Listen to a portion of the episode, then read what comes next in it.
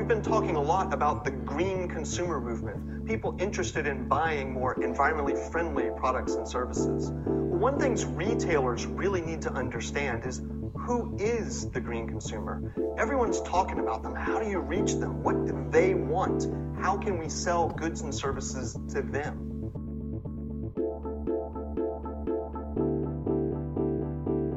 Vi tar imot alle gjestene våre i Bærekraftseventyr med, med, et varmt hjerte, Sveinung. Men jeg vil si at det er med ekstra stor kjærlighet at vi i dag eh, ønsker velkommen Siv Skar, eh, vår gode kollega fra Center for Sustainable Business på NHH, som, eh, som er her for å snakke grønn kundeatferd eh, med oss. Og Siv Skar tenker sikkert noen der ute, er ikke det hun som sitter i styret til sportsklubben Brann? Og det er helt riktig, og det er derfor Siv ikke kan gå ut etter mørkets eh, frembrudd i denne byen her hvor vi bor. Det er sikkert også noen som kan huske fra Aftenposten i 2004, hvor Arna Bjørnar-treneren og Deinar Fossum den gangen sa at ingen norske spillere er raskere enn Siv Skar. Så det er sikkert noen av dere som også husker Siv fra hennes fotballkarriere, både i norske og utenlandske klubber og på kvinnelandslaget. Men Siv er fortsatt en high performer, og heldigvis for meg og deg, Sveinung, så er hun nå en high performer i vårt forskningsteam på Center for Sustainable Business, som studerer bl.a. grønn kundeatferd. Velkommen til oss, Siv. Wow. Tusen takk for den introduksjonen. Veldig imponerende research, eh, Lars Jakob.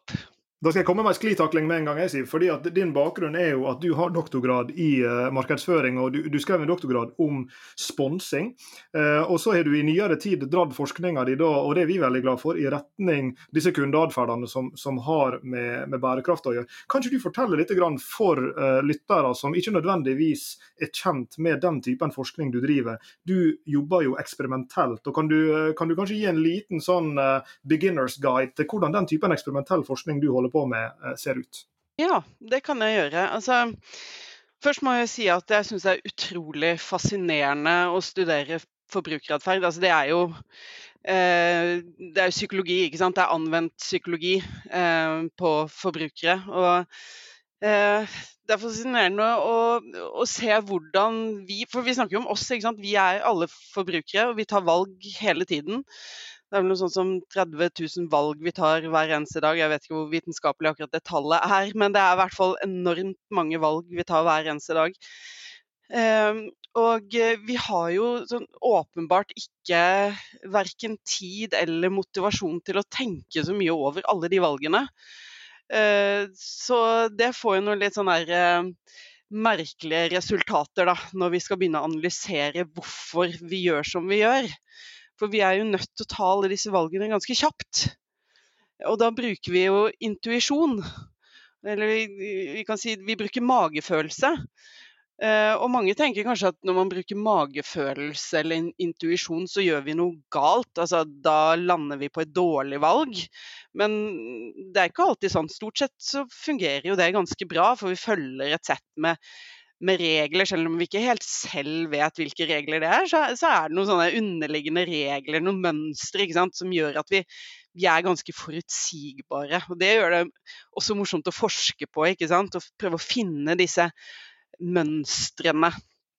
Uh, og en ting, altså, Da kommer vi over på bærekraftig valg, men en ting som er litt uh, spesielt, er jo at uh, vi vet jo stort sett godt hva som er et godt valg og et dårlig valg. Vi vet det er, det er, bedre å trene enn å ikke trene. Det er bedre å spise sunt enn å ikke spise sunt. Vi, vi, vet jo de tingene. Vi, vi, vet at det er bedre å være snill mot uh, familiemedlemmene og vennene våre. Og sånn. men, men, innimellom så, så, bare får vi det ikke til.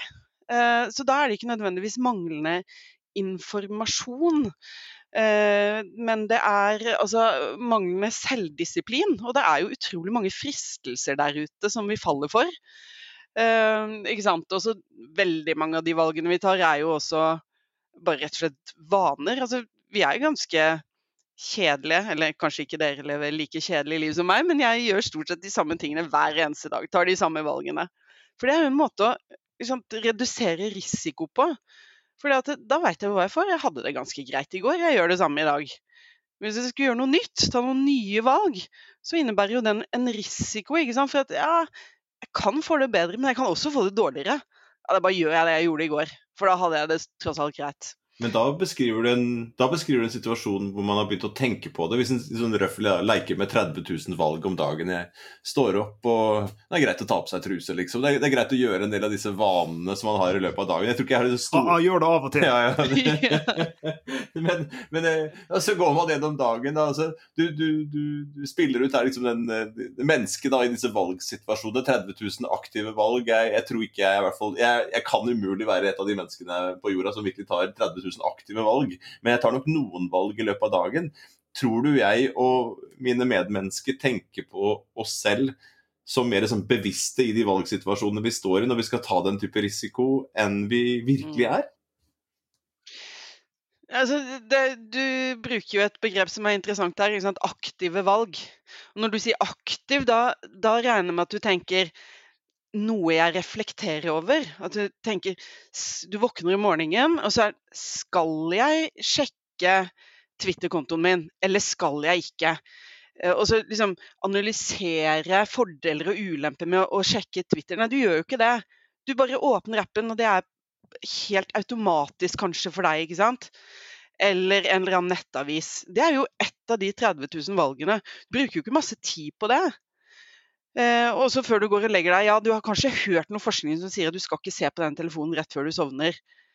Eh, at du skal ha en time i hvert fall uten skjerm før du Du er veldig flink til å sørge for det for barna dine, men for deg selv da blir fristelsen for stor. og Du driter i den forskningen og du bare sjekker eh, skjermen likevel. ikke sant? Så, så det der er jo valg som du gjør helt automatisk, og som du ikke nødvendigvis reflekterer så mye over, og ikke tenker på konsekvensene det er en sånn umiddelbar tilfredsstillelse med å ta det valget. Men som Lars Jakob spurte i stad, hvordan forsker man på dette her, da? Når, vi, når, når de man forsker på, ikke vet engang eh, hvordan, hva man gjør og hvorfor man gjør det. Og da nevnte dette med eksperimenter. Hvordan er det dere setter opp, eller er det vi da, når vi jobber med dette her, setter opp dette her for å virkelig prøve å røyke ut eh, hvilke valg folk tar i ulike situasjoner, og, og hvordan vi kan forklare de valgene på den ene eller andre måten? Godt spørsmål. Eh, og eksperiment er jo den beste måten, det beste designet for oss å undersøke årsak-virkning.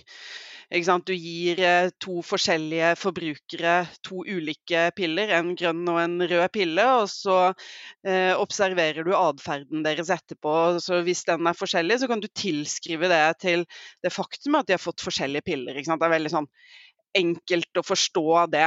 Eh, og vi kan tenke sånne medisinske eksperimenter. Det er liksom kanskje det folk flest tenker på når de tenker eksperiment. Da. Men det kan vi gjøre i forbrukerforskning også. Og, um, jeg skal fortelle litt senere, tenker jeg, når vi skal snakke om uh, våre eksperimenter, hvordan, hvordan, vi har gjort det. Men um, hvis jeg skal ta et eksempel som kanskje er enkelt å forstå. Da. Så det, dette her med smak um, Man tenker at det er veldig sånn um, ja, det finnes noen objektive kriterier. Noe smaker godt, og noe smaker mindre godt. Men vi blir jo påvirket av hvordan f.eks. Eh, en flaske er designet, hvordan en kopp føles i hånden. Eh, fargene på en innpakning osv. Selv om selv om det i seg selv ikke påvirker den objektive smaken, så påvirker det den subjektive smaken. Så et, eh, et eksperiment da, som, eh, som, er blitt publisert, eh, hvor da to forskjellige grupper fikk nøyaktig den samme eh, milkshaken. Mens den ene gruppen ble fortalt at denne, denne, er spesielt sunn, den har få kalorier. Mens den andre ble fortalt at denne her er ikke spesielt sunn, den har ganske mange kalorier. Og det er Nøyaktig samme milkshake, så da rapporterte de som hadde fått beskjed om at den var usunn, de rapporterte at den smakte bedre.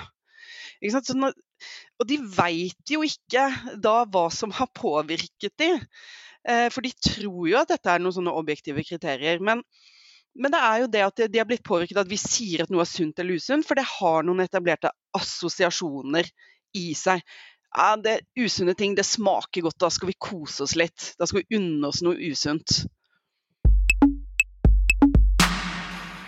Nå har du introdusert her, Siv, underveis noen ulike skillelinjer, bl.a. mellom ting som er mer og mindre vanebevisst. Du har introdusert ting som, som er er nær sagt mer lystbetont kontra mindre lystbetont. Du var inne på trening og sunn kosthold. Og det hele tatt, og så er du introdusert også noen skillelinjer mellom andre sånne, kall det perifere faktorer som, som kan påvirke Eh, forholdet mellom de mer objektive karakteristikkene til ting og, og, og, den subjektive opplevelsen av dem. Og Da blir jeg jo litt nysgjerrig, og dette er et stort spørsmål, så du får ta det litt den veien du vil. Men jeg blir litt nysgjerrig på ditt blikk da som, som, eh, som ekspert på kundeatferd.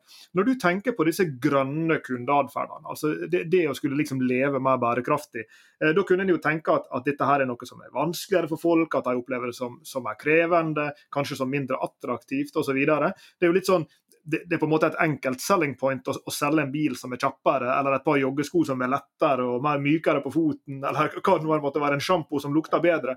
Men sånn, liksom, i det store bildet, tenker du på grønn kundeatferd som noe som på en måte lugger for folk flest? Altså noe hvor, der, hvor du starter i motbakke, om du skjønner spørsmålet? Ja, ja, både ja og nei. Det kommer, det, kommer, an på. Det er favorittuttrykket til forskere. Det, men det kommer virkelig an på. I noen tilfeller så lugger det faktisk. Altså, eh, det, det er eh, noen ja, Vi bruker det engelske begrepet trade-offs.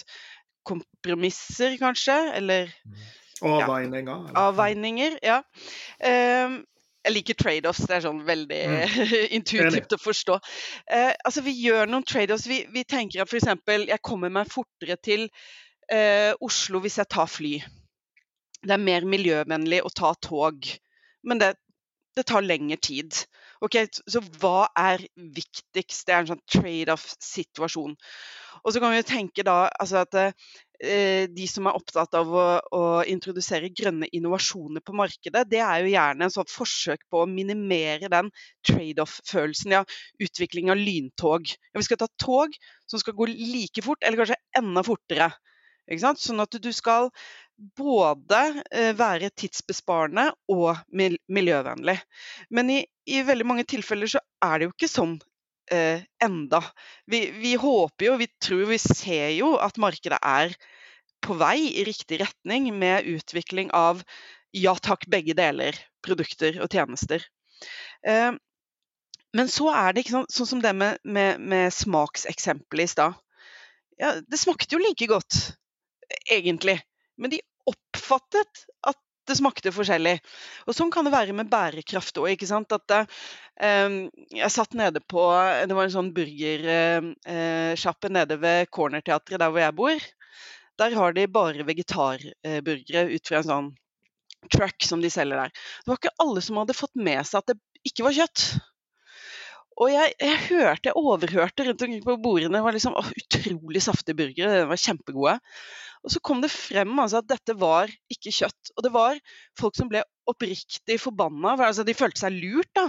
Det burde komme tydeligere frem på menyen at dette ikke var kjøtt. Ikke? Ingen liker å bli lurt. Eh, og kanskje spesielt ikke hvis de har bestemt seg på forhånd at det, kun kjøtt er kjøtt, og eh, jeg kommer aldri til å eh, kjøpe en vegetarburger. Ikke sant? Men, men, men, det sier noe med at det, vi har noen sånne altså Når jeg sier vi, så det varierer selvfølgelig mellom forbrukerne, men mange har noen sånne etablerte negative forestillinger eh, om bærekraftige attributter eller egenskaper ikke sant, ved et produkt som kan være negative og her kom du, Vi må fortsette med fotballmetaforene. Her kommer du med en lisse, lissepasning, Siv. Eh, fordi at eh, dette her drar jo oss veldig naturlig inn i eh, et fenomen som, som, vi tre har forska på sammen. Eh, og, det, eh, og, og, da må vi kanskje begynne å snakke litt om ulike typer produktkategorier, fordi det ligger jo i det som du er, er inne på her. Eh, fordi du kom til oss en gang og hadde lest om noe som heter the sustainability liability effect. Altså med andre ord en effekt hvor bærekraft kan være en ulempe. Eh, og så kan eh, kanskje eh, vrengebildet av det her være det som vi kaller for en sustainability asset-effekt. Altså det at bærekraft kan være noe fordelaktig sett i kunden sine mm. øyne. og Det har jo du nå introdusert her. og Dette bestemte vi oss for å, å forske, sammen, forske, på sammen, vi tre.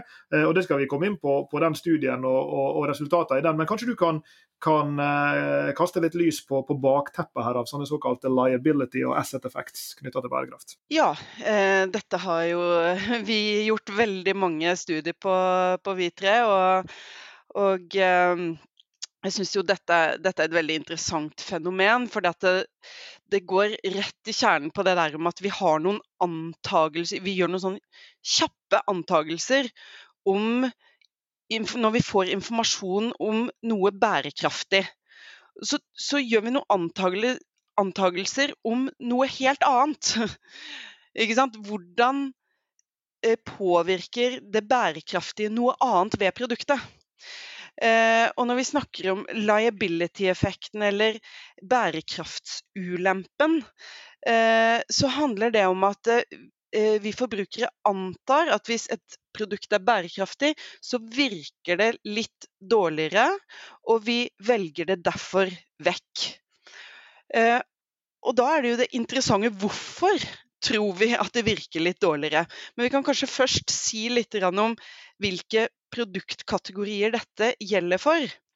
Fordi vi har jo noen kategorier der det er eh, helt vesentlig at produktet løser et funksjonelt problem. At det har styrke, eh, og at det er kraftig. Jeg hører disse ordene, det er noe maskulint over det. Det skal være tøft og røft og kraftig, og det skal fjerne et problem. Og da er jo Den kategorien vi har undersøkt en del, det er jo avløpsåpner. Og vi har eh, Det typiske produktet i denne, eller merket i denne kategorien er jo Plumbo. Og alle kjenner til Plumbo, alle vet at det er sterkt, kanskje litt for sterkt. ikke sant? Vi er litt redd for at det kan ødelegge rørene, men vi vet i hvert fall at det virker. Og så er da spørsmålet Hvis du får en Plumbo som er eh, eh bærekraftig, og det er jo blitt introdusert her på markedet nå, etter at vi gjorde disse studiene. Sant? Det var dere som sendte meg den linken der. Eh, jeg husker ikke akkurat hva det produktet heter, men det er i hvert fall Plumbo-merket og så noe sånn økomerking. Naturent, tror jeg det heter. OK. Uh, uansett. Spørsmålet er da hva skjer i kundens hode når du får da en sånn økovariant i en sånn sterk produktkategori? Jo, da har vi gjort mange eh, eksperimenter som viser at kundene systematisk antar at et sånt økoalternativ, et grønt alternativ i den kategorien, virker dårligere. Og derfor så har de lavere preferanse, altså de velger det vekk i større grad. Og, og et interessant funn som vi gjorde, var vi ba deltakerne i eksperimentet helle oppi eh, væsken fra disse to produktene vi hadde eksponert dem for. ikke sant? Et bærekraftig og et vanlig. Og da viste resultatene våre at de helte eh, signifikant mer av det bærekraftige alternativet oppi en sånn beholder. For vi ba det, ja, hvor, Hell oppi hvor mye du tror er opp, den optimale mengden for å løse dette problemet, altså åpne tette rør. Ja, Da gønner de på med det grønne produktet, for her må det virkelig mye til. For det virker jo litt dårligere, ikke sant? Eh, og en uheldig bieffekt av dette er jo eh, et potensielt overforbruk av grønne produkter på markedet. Det vil vi jo ikke ha. Og spesielt hvis det faktisk ikke er slik at det grønne produktet eh, fungerer dårligere. Det vet jo fra mange tester at jo, faktisk det virker like greit, men det sitter i hodene på folk.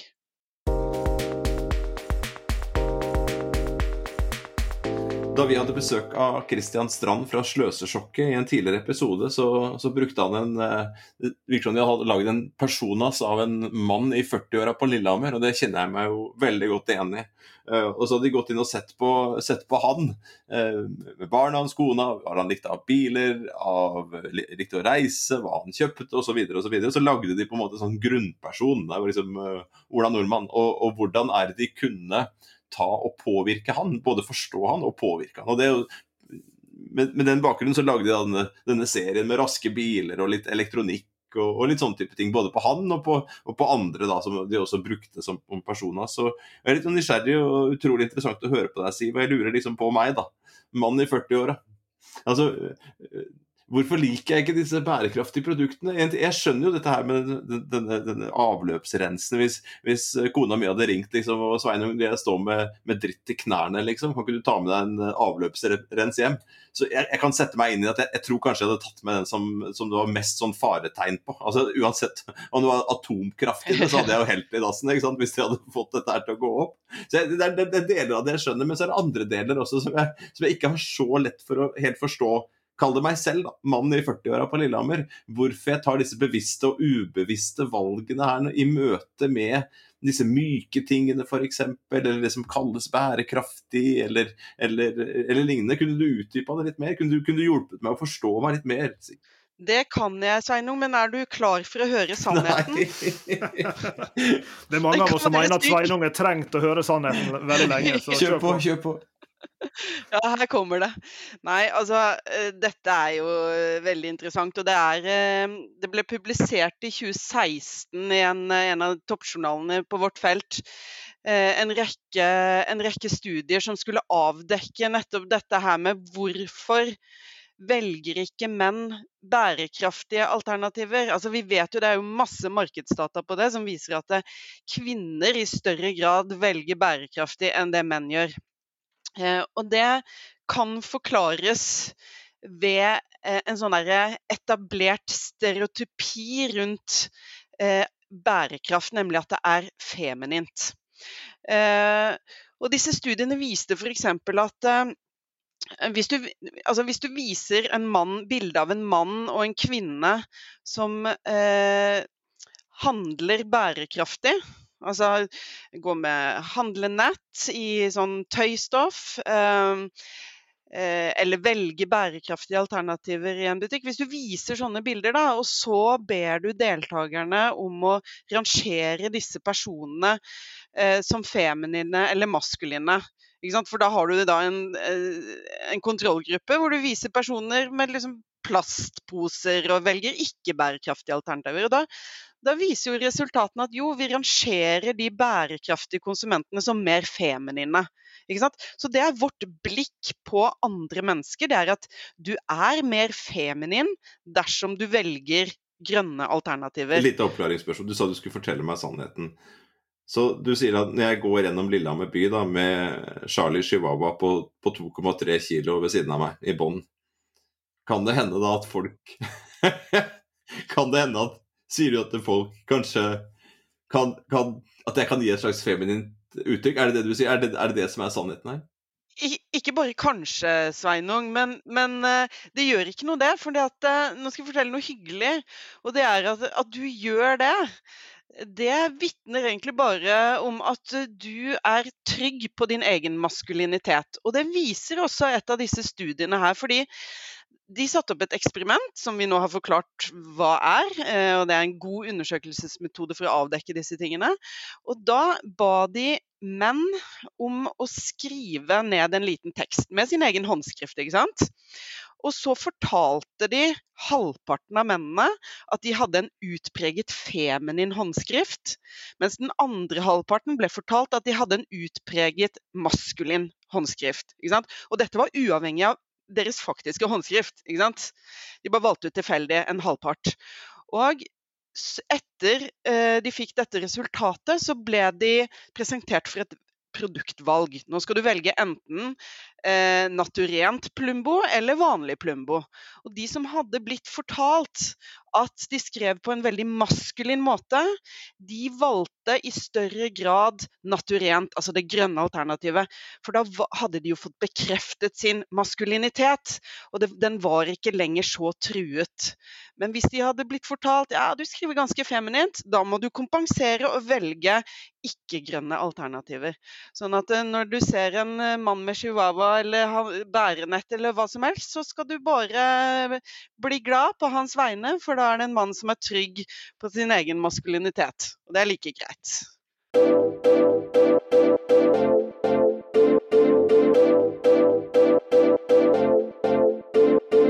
Ja, og Da har vi jo gravd oss litt ned i ja, riktignok en blanding av gode og dårlige nyheter, da, Siv, men vi, vi har gravd oss ned i denne såkalte liability-effekten. Altså denne, denne forestillinga om at bærekraft kan være en ulempe. Men så kan jo det tenkes da, at hvis du f.eks. skulle kjøpe en sjampo til å vaske babyen din med, eller et eller annet sånt, at det at det sto eh, et slags bærekraftsmerke på produktet, faktisk ville være en fordel.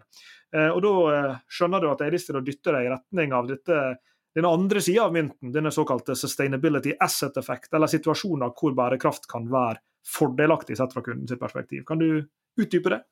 Absolutt.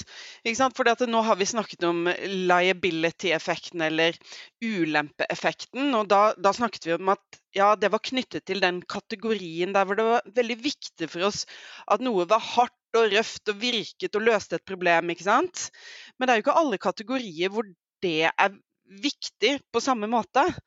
Eh, og du nevner kategorien babysjampo. Babyer, noe mykt, du skal være varsom. Her, her, er det helt andre egenskaper eller attributter eh, ved produktet som vi verdsetter. Eh, og Det er derfor vi, kaller, altså vi skiller mellom harde og myke produktkategorier. Eh, og innenfor myke produktkategorier, hvis vi fremdeles liksom er på sånn rengjøring, da, så, så, er jo det sjampo, bodylotion um, ja, sånne type produkter som skal rett på huden, f.eks., eller rett eh, i håret. Eh, hvor du på en måte eh, er opptatt av at det skal være skånsomt. Og dette har vi jo testet, vi vet det gjennom våre tester at jo, i de kategoriene så verdsetter man mykhet, skånsomhet osv. Og, og da fungerer jo et bærekraftig element et bærekraftig attributt, om du vil, eh, det fungerer jo som en fordel. Da. For det forsterker jo bare disse ja, feminine assosiasjonene knyttet til noe mykt og forsiktig. Så eh, da vi undersøkte dette, så, så brukte vi jo babysjampo og vi brukte bodylotion, eh, og satt det opp mot eh, denne her eh, avløpsåpneren. ikke sant? Og da finner vi det helt motsatte. Jo, eh, da foretrekker systematisk eh, deltakerne i eksperimentet det bærekraftige alternativet. Og det er fordi de tror at det bærekraftige alternativet virker bedre. Så i dette tilfellet så betyr noe bærekraftig høyere funksjonalitet, men funksjonalitet på en annen måte. Eh, mer mykt. Ikke sant? Sånn at det, Vi kan ikke ta det som en generell regel at bærekraft får folk til å anta at noe funker dårligere. Nei, man må virkelig vite hvilken eh, produktkategori man opererer i før man kan trekke en sånn konklusjon. I denne studien da, Siv, som, som vi er henvist til mellom linjene her, men som, som kanskje kan uh, sies høyt en gang for alle, at dette, dette paperet som vi publiserte i, i 2020, og det heter 'When is sustainability a liability and when is it an asset'? Eh, det paperet har en undertittel 'Quality Inferences for Core and Peripheral Attributes'. Altså med andre ord kvalitetsslutninger knytta til henholdsvis kjerneattributter og perifere attributter. Og Nå skal vi komplisere det ytterligere litt, fordi hvis vi tar denne babysjampoen, eller for den del avløpsåpneren, som henholdsvis da skulle være kanskje fordelaktig at det var bærekraftig i babysjampoen sitt tilfelle, og, og eh, en ulempe i avløpsåpneren sitt, eh, sitt, tilfelle, så er det jo ikke fullt så enkelt. For hvis jeg eh, tusler ned på Rema 1000 i gata her og begynner å kikke i hyllene, så vil jeg finne produkt som er merka med liksom bærekraft eller miljø eller svanemerke eller hva det måtte være. Og av og til så betyr det at innholdet i dette produktet er bærekraftig, men av og til betyr det simpelthen at det f.eks. er på en resirkulert eh, emballasje. Og der hadde du også, den gangen vi satte opp disse eksperimentene, en hunch på at det kanskje ville være noen systematiske forskjeller i hvilke egenskaper ved produktet eller dets emballasje, eller andre eh, egenskaper ved, ved produktet da, og, som, som ville, eh, ville, bety noe. Kan du, eh, ut, kan du grave det litt ned i den dimensjonen også? Ja, absolutt. For det syns jeg jo var ganske spennende. ikke sant? Fordi at det, når vi skiller mellom sentralt og perifert attributt, så handler det om på en måte hvor nært funksjonaliteten i produktet eh, ligger dette attributtet. da, ikke sant? Eh, sånn at Hvis vi sier at ja, denne avløpsåpneren er laget av eh, kun naturlige ingredienser, så, så, er det jo selve den eh, væsken som skal helles ned i avløpet vi snakker om. Mens eh, den forpakningen er jo mer perifert, altså sekundært, eller hva du vil. Altså, det har jo ikke en direkte innvirkning på produktets funksjonalitet. Men det sier likevel noe om produksjonsprosessen eh, til dette eh, produktet, og fokuset til de som leverer produktet. At her er det et fokus på bærekraft. Og så var jo vi interessert i kan det faktisk være sånn at eh, folk tror at en avløpsåpner som som eh, kommer i, i, i resirkulert eh, emballasje, at det funker dårligere?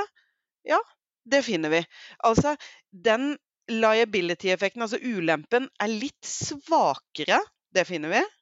Altså, ulempeeffekten er sterkere når det grønne attributtet er sentralt, altså når det er selve ingrediensene, men den er der likevel når det bare er innpakningen.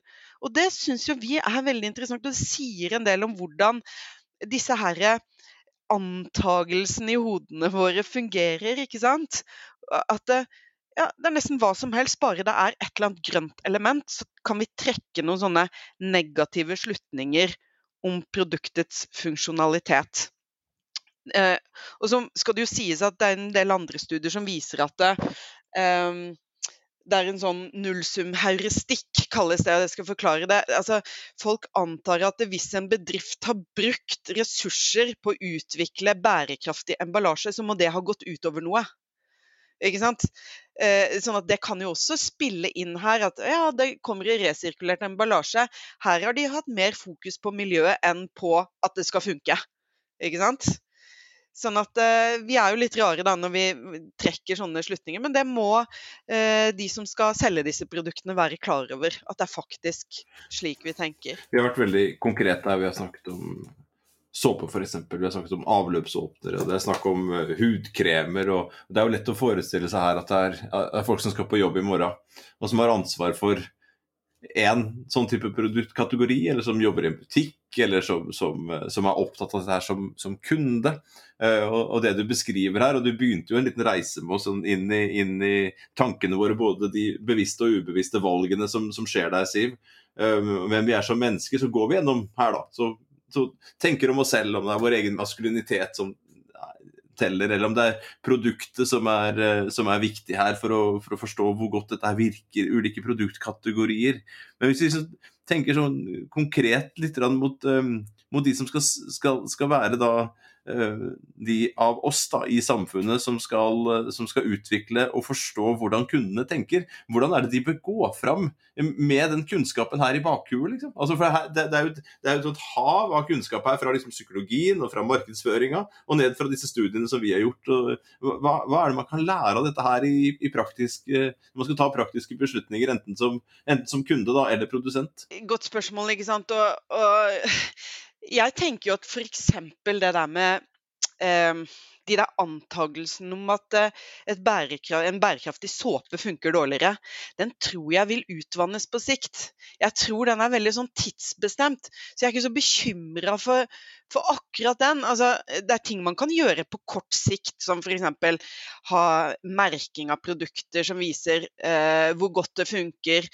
Man kan ha eh, type kommunikasjon som på en måte eh, forsøker å tone ned at det er bærekraftig å, å tone opp eh, at det fungerer. Sånn at det blir en balanse. Det er, mange sånne type ting du kan gjøre på kort sikt. Men jeg tenker jo at det, folks erfaring med disse produktene vil være det som styrer valgene deres på sikt. Dette er jo tross alt nye alternativer som kommer på, på markedet. Og da bruker vi de der kjappe antagelsene våre når vi tar valg. Men nå har vi jo sett mange av disse her TV 2 hjelper deg-testene som viser at jo, Klar virker like bra som Zalo osv. Så videre. sånn at ja, når folk får erfare det, så tror jeg på en måte den, den kan vi bli ferdig med. Og så har du det med med femininitet, den er litt verre, ikke sant? For den er kanskje litt sånn ubevisst og, og litt vanskelig å snakke om. Du er jo flink å snakke om det. Alle er ikke som Sveinung der, men, eh, men Alle er ikke som Sveinung sånn i det store og hele. Ja, men ikke sant, der er det jo også ting man kan gjøre med design, og, altså produktutvikling. Jeg tenker ofte på når jeg ser disse her eh, Jordan-tannbørstene som kommer i, i resirkulert papp med disse pastellfargene. De appellerer jo veldig til meg som forbruker, som kvinnelig forbruker. Og jeg liker å se på denne pappen og de, de, fargene. Men det er klart at de gir jo veldig feminine assosiasjoner. Sånn at man kan jo eh, tenke seg at eh, man bruker mer maskuline Eh, elementer i kommunikasjonen, da, i merkeelementene, rett og slett. Eh, for å appellere til menn. Og da har du veldig mange sånne morsomme eksempler fra markedet. Da, med at eh, ja, man la på sånne grillstriper på soyaburgeren, for da opplevde kundene det som mer maskulint. Så var det samme burgeren smakte sammen, men grillstriper, yes, da ble det maskulint. ikke sant? Kan jeg trekke en liten Jeg fikk en uh, assosiasjon her mens du snakka. Og, og, det er jo kanskje en parallell her til din uh, gamle karriere som, uh, som, som spons, sponsingsforsker. For Hvis jeg forstår rasjonalet bak sponsing rett, så er jo det at du, du ønsker å overføre egenskapene ved nær sagt et, liksom et sponsorobjekt, og, og, altså et brand, og, og den som sponses, da, enten det er nær sagt en David Beckham eller hva det måtte være. Og vi har jo en sånn skal vi si at det er Norges egen David Beckham. Vi har en, en, en mann som heter Morten Thorsby, som for tiden spiller for den glamorøse italienske fotballklubben Sampdoria. Og han har jo utmerka seg ved å være bærekraft, den norske bærekraftsmannen i, i idretten. Og, og, Nå ble det offentliggjort denne uka at, at, han eh, er med på et initiativ for å starte en internasjonal bærekraftsliga for fotballklubber. Eh, og, og, Da tenker jeg jo litt på, i, i lys av, av, det som du snakker om nå, Siv, kraften i f.eks. fotballen da, til å og, nær sagt eh, ja, skal, jeg, skal, jeg, si ufarliggjøre bærekraften, eller jeg vet ikke hva som er den beste måten å, å, beskrive det på. Tror du at disse typene initiativ, hvor en nær sagt fjerna eh, ikke, ikke fjerna, men at i tillegg til at, at bærekraften er noe som vi, vi tenker på, disse her eh, fine eh, bambustannbørstene som du beskriver i sånn lys rosa innpakning og, og pappinnpakning og sånn, kan det å hekte bærekraften på den store globale fotballen f.eks. være en, en, en, taktikk for å, for å pushe bærekraftsagendaen? Har du tro på den strategien? Ja, det har jeg tro på. Og det er jo et eksempel sant, på, et, på, et, større fenomen. Du, altså, eh, det å bruke eh, talspersoner, da, ikke sant. Eh, for å endre imaget til en hel kategori, eller Det, det er klart at det, det, vet vi jo funker. Det tar jo litt tid når ting er veldig etablert. Eh, men ikke sant, vi har jo vært vant til å se For det er sånne selvforsterkende effekter. Fordi vi er vant til å se flere kvinner velge bærekraftig. Ikke sant? Da, da forsterker jo det ikke sant? det der, ja, det må være noe feminint, for jeg ser jo stort sett bare kvinner som går med de bærenettene. Ikke sant? Sånn at det er klart at eh, når eh, maskuline eh, menn og eh, fotballen som tradisjonelt sett har veldig maskuline assosiasjoner, når de blir en samlet sett talsperson for bærekraft, så er det med på å trekke bærekraft vekk fra det stereotypisk feminine over til ja, gjerne noe mer nøytralt. Da. Det trenger ikke å være så forbasket maskulint, men det, men det trenger ikke å være eh, eh, noe feminint, da i hvert fall. ikke sant?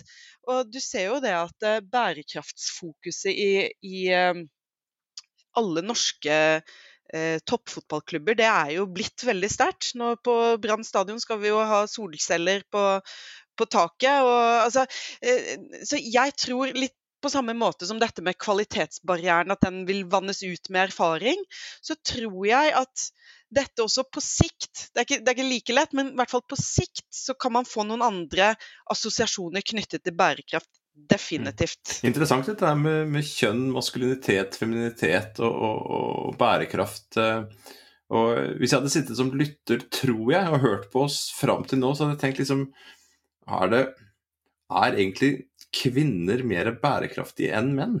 Altså jeg tenker på sånn, I forbruksmønstre generelt, hvem er det som handler mest? Eh, for vi legger liksom på en ting, Er det, er det kvinner, menn vi snakker om, eller er det dette feminine, maskuline? Kan vi ha da på en måte maskuline kvinner og feminine menn. Altså sånn, og, og, for vi, vi, setter på noen Det, nesten, det høres nesten litt sånn stereotypisk hvis det heter det på, stereotypisk ut. Eh, men, men, er det det vi egentlig snakker om? Det er veldig tydelige kjønnsforskjeller. ikke sant? Sånn at den er veldig etablert. Men jeg, jeg er nok ganske sikker på at du har rett eh, Sveinung i at eh, det er noen variasjoner innenfor kjønnskategoriene ut ifra hvordan du føler deg. Eh, og det, uten at jeg kan trekke det opp av hatten og studie på det, så, så, så, eh, er det garantert i disse studiene vi i denne episoden også har referert til, så er det garantert også eh, kontrollert for hvor maskulin og feminin føler du deg. For det er klart, der er det variasjoner.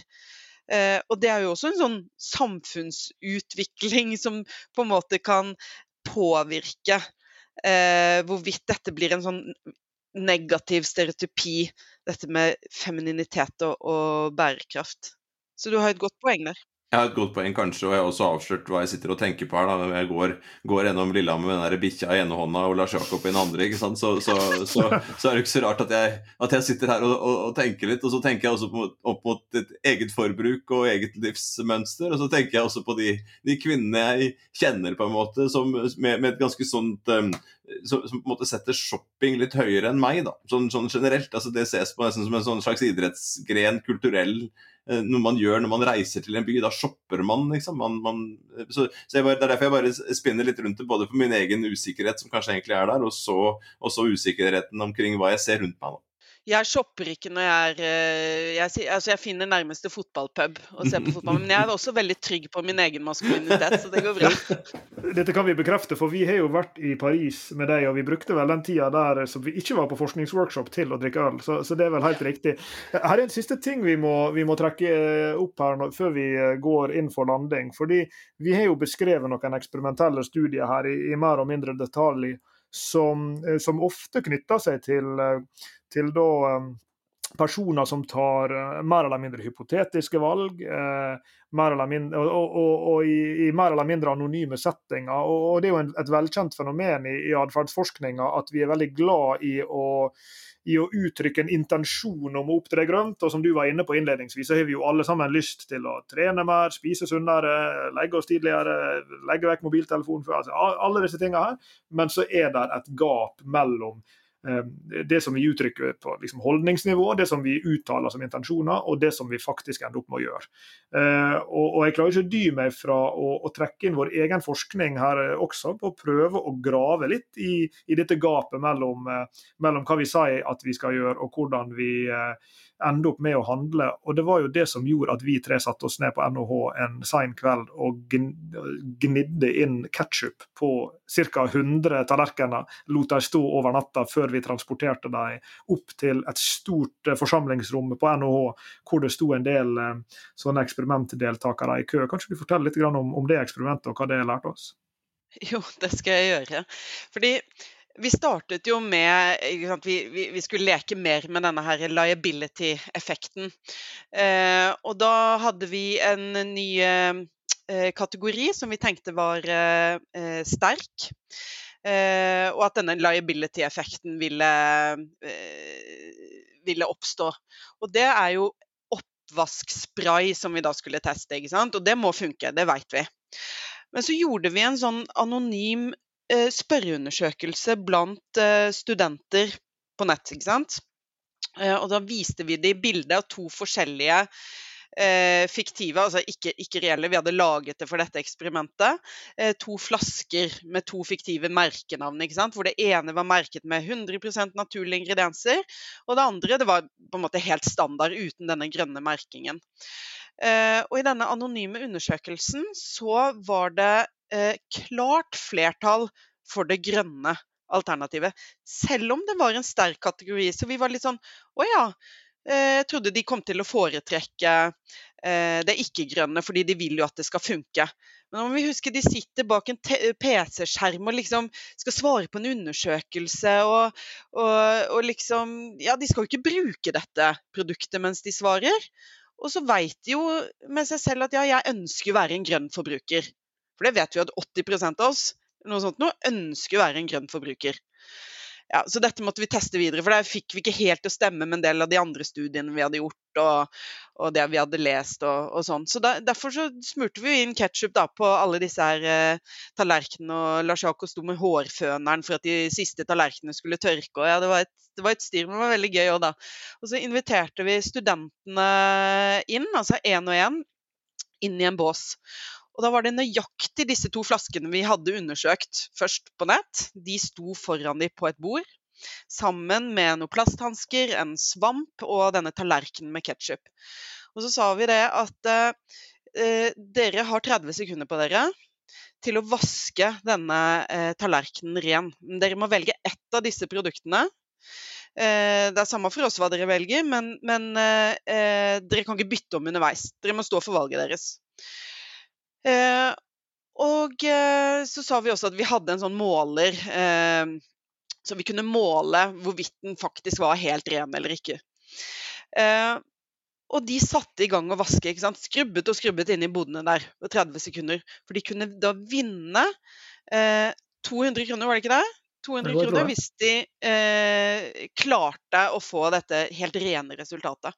Og Det viste, viste jo seg å være krevende, må jeg bare skyte inn i digresjonsform. Ja. Det er vanskeligere å, å vaske tørka ketsjup enn jeg skulle tro. Ikke sant? Så du må velge riktig produkt. Og eh, eh da fikk vi jo et eh, totalt motsatt resultat enn det vi hadde fått i den første undersøkelsen. Eh, da forsvant den positive effekten av bærekraft. Sånn at når det virkelig gjaldt, og det var et økonomisk insentiv, de kunne vinne penger, så er da antakelsen vår at de, de velger det produktet som de tror funker best. Ok, Sånn at det, det vi fant da, var at eh, gutta de, der oppsto det en liability-effekt. Altså, de valgte i større grad eh, det ikke-bærekraftige alternativet når de skulle vaske disse tallerkenene. Jentene derimot, der var det ingen forskjell. Okay? Så den positive effekten, asset-effekten, den forsvant. ikke sant? Det var ikke lenger en fordel med bærekraft, men det var heller ingen ulempe. Det var bare sånn ingen forskjell. Men for gutta, de gønnet på og valgte det ikke eh, bærekraftig. Så det Altså, dette her handler jo da om å avdekke gjennom denne typen eksperiment de virkelige holdningene, virkelige antagelsene og de valgene vi tror de tar i et øyeblikk hvor de skal løse et problem. Og så er det jo et annet element her, og det er jo hvorvidt de som skal ta disse valgene, blir observert av andre mennesker eller ikke. For det er jo en del valg vi tar helt på privaten, ikke sant. Da er vi ikke så opptatt av hvordan det skal virke overfor andre. Men ganske mange av de valgene vi tar, det gjør vi i offentligheten. Når vi går i butikken, så er det jo mange andre som er der. Når vi sitter på restaurant, så er vi sosiale med de andre gjestene der. Og da, da vil vi jo gjerne ta valg som er sosialt akseptable. Og det vi vet, er jo at folk syns at miljøvennlige valg de er mer sosialt akseptable. Så da kan vi jo tenke oss at hvis, hvis, folk skal ta disse her valgene mens andre ser de, så er det større sannsynlighet for at de går for det bærekraftige eh, alternativet. Og Da må jeg få lov å nevne en studie. Den ble publisert tilbake i 2010. Eh, men den viste altså at eh, For det, da var det jo en pandemi. altså Den var i 2009 da den ble publisert i 2010. Men det var jo svineinfluensaen. Og på et amerikansk universitet så var det da satt ut dispensere med sånn antibac. Eh, og det var to forskjellige. Den ene var miljøvennlig, merket med det, og den andre var vanlig. Eh, og så satt denne her forskeren, eller forsøkslederen, satt ved siden av eh, disse dispenserne på et bord, ved et bord og noterte eh, eh, hvilket eh, valg studentene tok. Og da så man klar fordel grønt alternativ. Det var det de aller fleste gikk for. Men så var det da eh, neste dag, eller hvordan de satte det opp, så eh, satt denne forsøkslederen skjult for deltakerne. Altså, de følte seg ikke observert. Og da forandret resultatet seg. Da valgte de systematisk oftere den eh, ikke-grønne antibac-en. Sånn at det er jo litt sånn avslørende for oss mennesker at det, ja, når, når, vi blir observert, da prøver vi å gjøre ting på den rette måten. ikke sant? Og det som er akseptabelt i andres øyne. Så det er jo kanskje én ting gjøre, gjøre valgene våre mer synlige for andre, sånn at vi må føle et visst press for å eh, velge, velge det miljøvennlige. Da.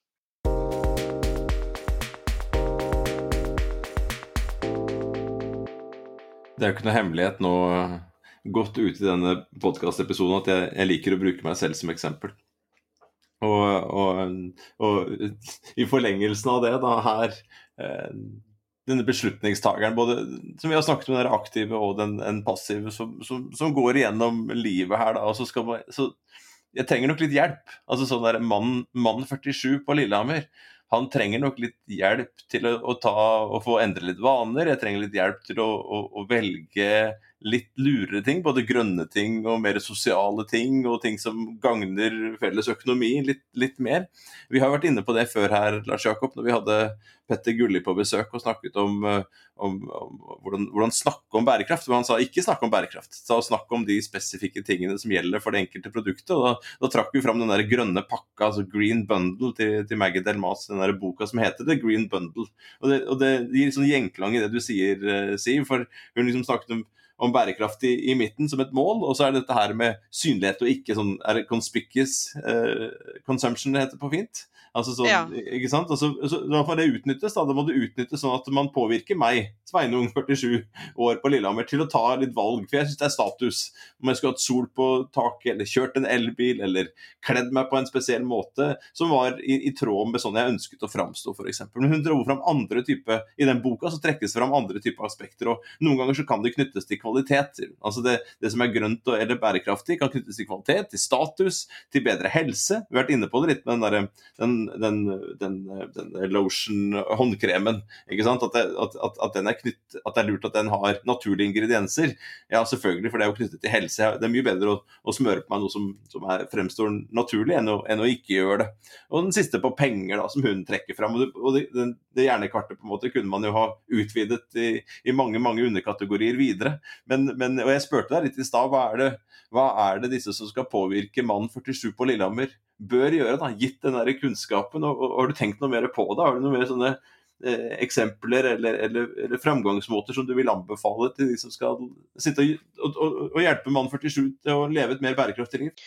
Altså jeg tror for så er det veldig vanskelig å over natten øke eh, statusen til bærekraftig produkter blant menn som har eh, en etablert motstand mot det, f.eks.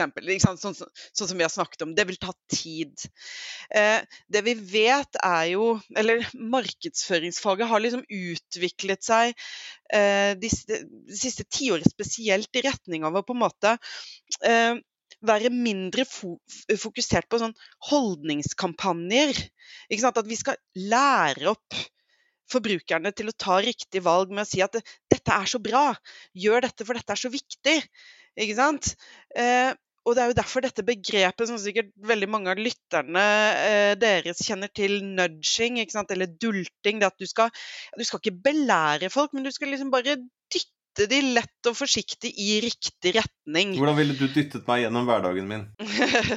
jeg vet ikke om det vil funke på deg, Sveinung. Men... jo, det er helt sikkert. helt sikkert. Ja, men dulting, Vi har ikke snakka så mye om dulting ja. og, og, nudging her. Vi, så... Nei, men altså, vi har snakket litt om det egentlig uten å bruke begrepet. fordi F.eks. å merke et miljøvennlig produkt med green power, f.eks. Altså eh, få ned den derre eh, liability-effekten, eller den antakelsen om at det ikke funker, det er jo en sånn veldig enkel nudge, ikke sant? hvor du bare gir et lite ku på at dette funker. Eh, men du har jo noen litt sånn artige eksempler på nudger som er forsøkt. Det er jo sånn et speil i en handlevogn. For hva gjør et speil? Jo, det viser deg. Du ser på deg selv, og da blir du minnet på dine egne moralske verdier og dine eh, langsiktige mål her i livet når du ser ditt eget ansikt. ikke sant? Og da var det jo en studie som viste at jo, når du setter speil i en handlevogn, så øker eh, salget av eh, frukt og grønnsaker. Det er jo en type nudge eh, i det tilfellet. Og så er det sånn som jeg eh, nevnte med putte grillstriper på en burger, det er jo også et, en visuell nudge. Altså det er jo ikke sånn at eh, skeptiske menn ser den burgeren og se der var det grillstriper, ja. ja. akkurat, nei, men da tar jeg den. Det er jo, eh, en nudge er jo på en måte noe som går på det ubevisste, som gjør at du, du dyttes i riktig retning uten at du er nødvendigvis klar over hvorfor du dyttes i riktig retning. Og Det som er interessant med denne samtalen her, som, som har tatt uh, mange retninger og berørt mange ulike produktkategorier, mange ulike ulemper og fordelaktige fasetter ved bærekraft. Vi har sett på, på, ulike strategier eh, som vi er inne på nå for å for å, for å for så vidt dulte i riktig retning og, og fasilitere disse typene atferd. Og det som jeg syns er så, så, deilig med dette fra et sånn forskningsperspektiv, det er jo at at her er så mye å ta i. Her, her er ingen klare svar, men her er noen tendenser til strategier som kan fungere. Her, her er noe som, som jeg syns ligger under mye av det vi har snakka om, eh, som dreier seg om det dynamiske i denne atferden. Jeg deler jo din oppfatning, Siv, som du var inne på i stad, at at tida er jo på en måte til hjelp her, på et vis. Altså at Etter hvert som det drypper litt mer kunnskap om at jo, disse produktene er like sterke som, eller like effektive som, eller hva det måtte være, som, som sine ikke-grønne motstykker, så sakte, men sikkert så endres jo oppfatningene. Sakte, men sikkert endres kanskje holdningene. Og, og hvis uh, Thorsby og, og kompani får, uh, får vind i seila på fotballprosjektet sitt, så kanskje det store bærekraftstoget også kommer seg inn i, inn i, i, mainstreamen. Og jeg vil gi oss eh, kudos for å Det var ikke så fryktelig mange fotballdigresjoner, men vi, vi fikk sneken vi fikk sneket inn en liten håndfull. Ja. Men vi har i hvert fall klart å grave oss ned i den grønne kundeatferden. Barrierene som står i veien for han, driverne som kanskje bringer han framover, og en del av disse spørsmålene vi har, disse empiriske strategiene som vi har når vi utformer forskningsstudiene våre sammen, og en del av svarene som en kan få for å pusle dette puslespillet som vil komme til å ha veldig, veldig mange brikker, men én etter én så trer det tydeligere fram litt mer om kunnskapen om hvordan vi kan skape en grønnere kundeatferd som kan dytte oss i en grønnere retning for, for verden som sådan. Så, så, tusen takk, Siv, for at du var med oss og, og delte om din kompetanse på, på, dette feltet. Litt om forskninga vår og mer generelt eh, fotballtøys og chihuahua. Tusen takk for at jeg fikk komme. Endelig. Du har hørt på Bærekraftseventyr med Jørgensen og Pedersen. Send e-post til eventyr.krøllalfa.jorgensenpedersen.no for å stille spørsmål eller komme med forslag til tema for fremtidige episoder. Og besøk jorgensenpedersen.no for mer informasjon om denne podkastserien.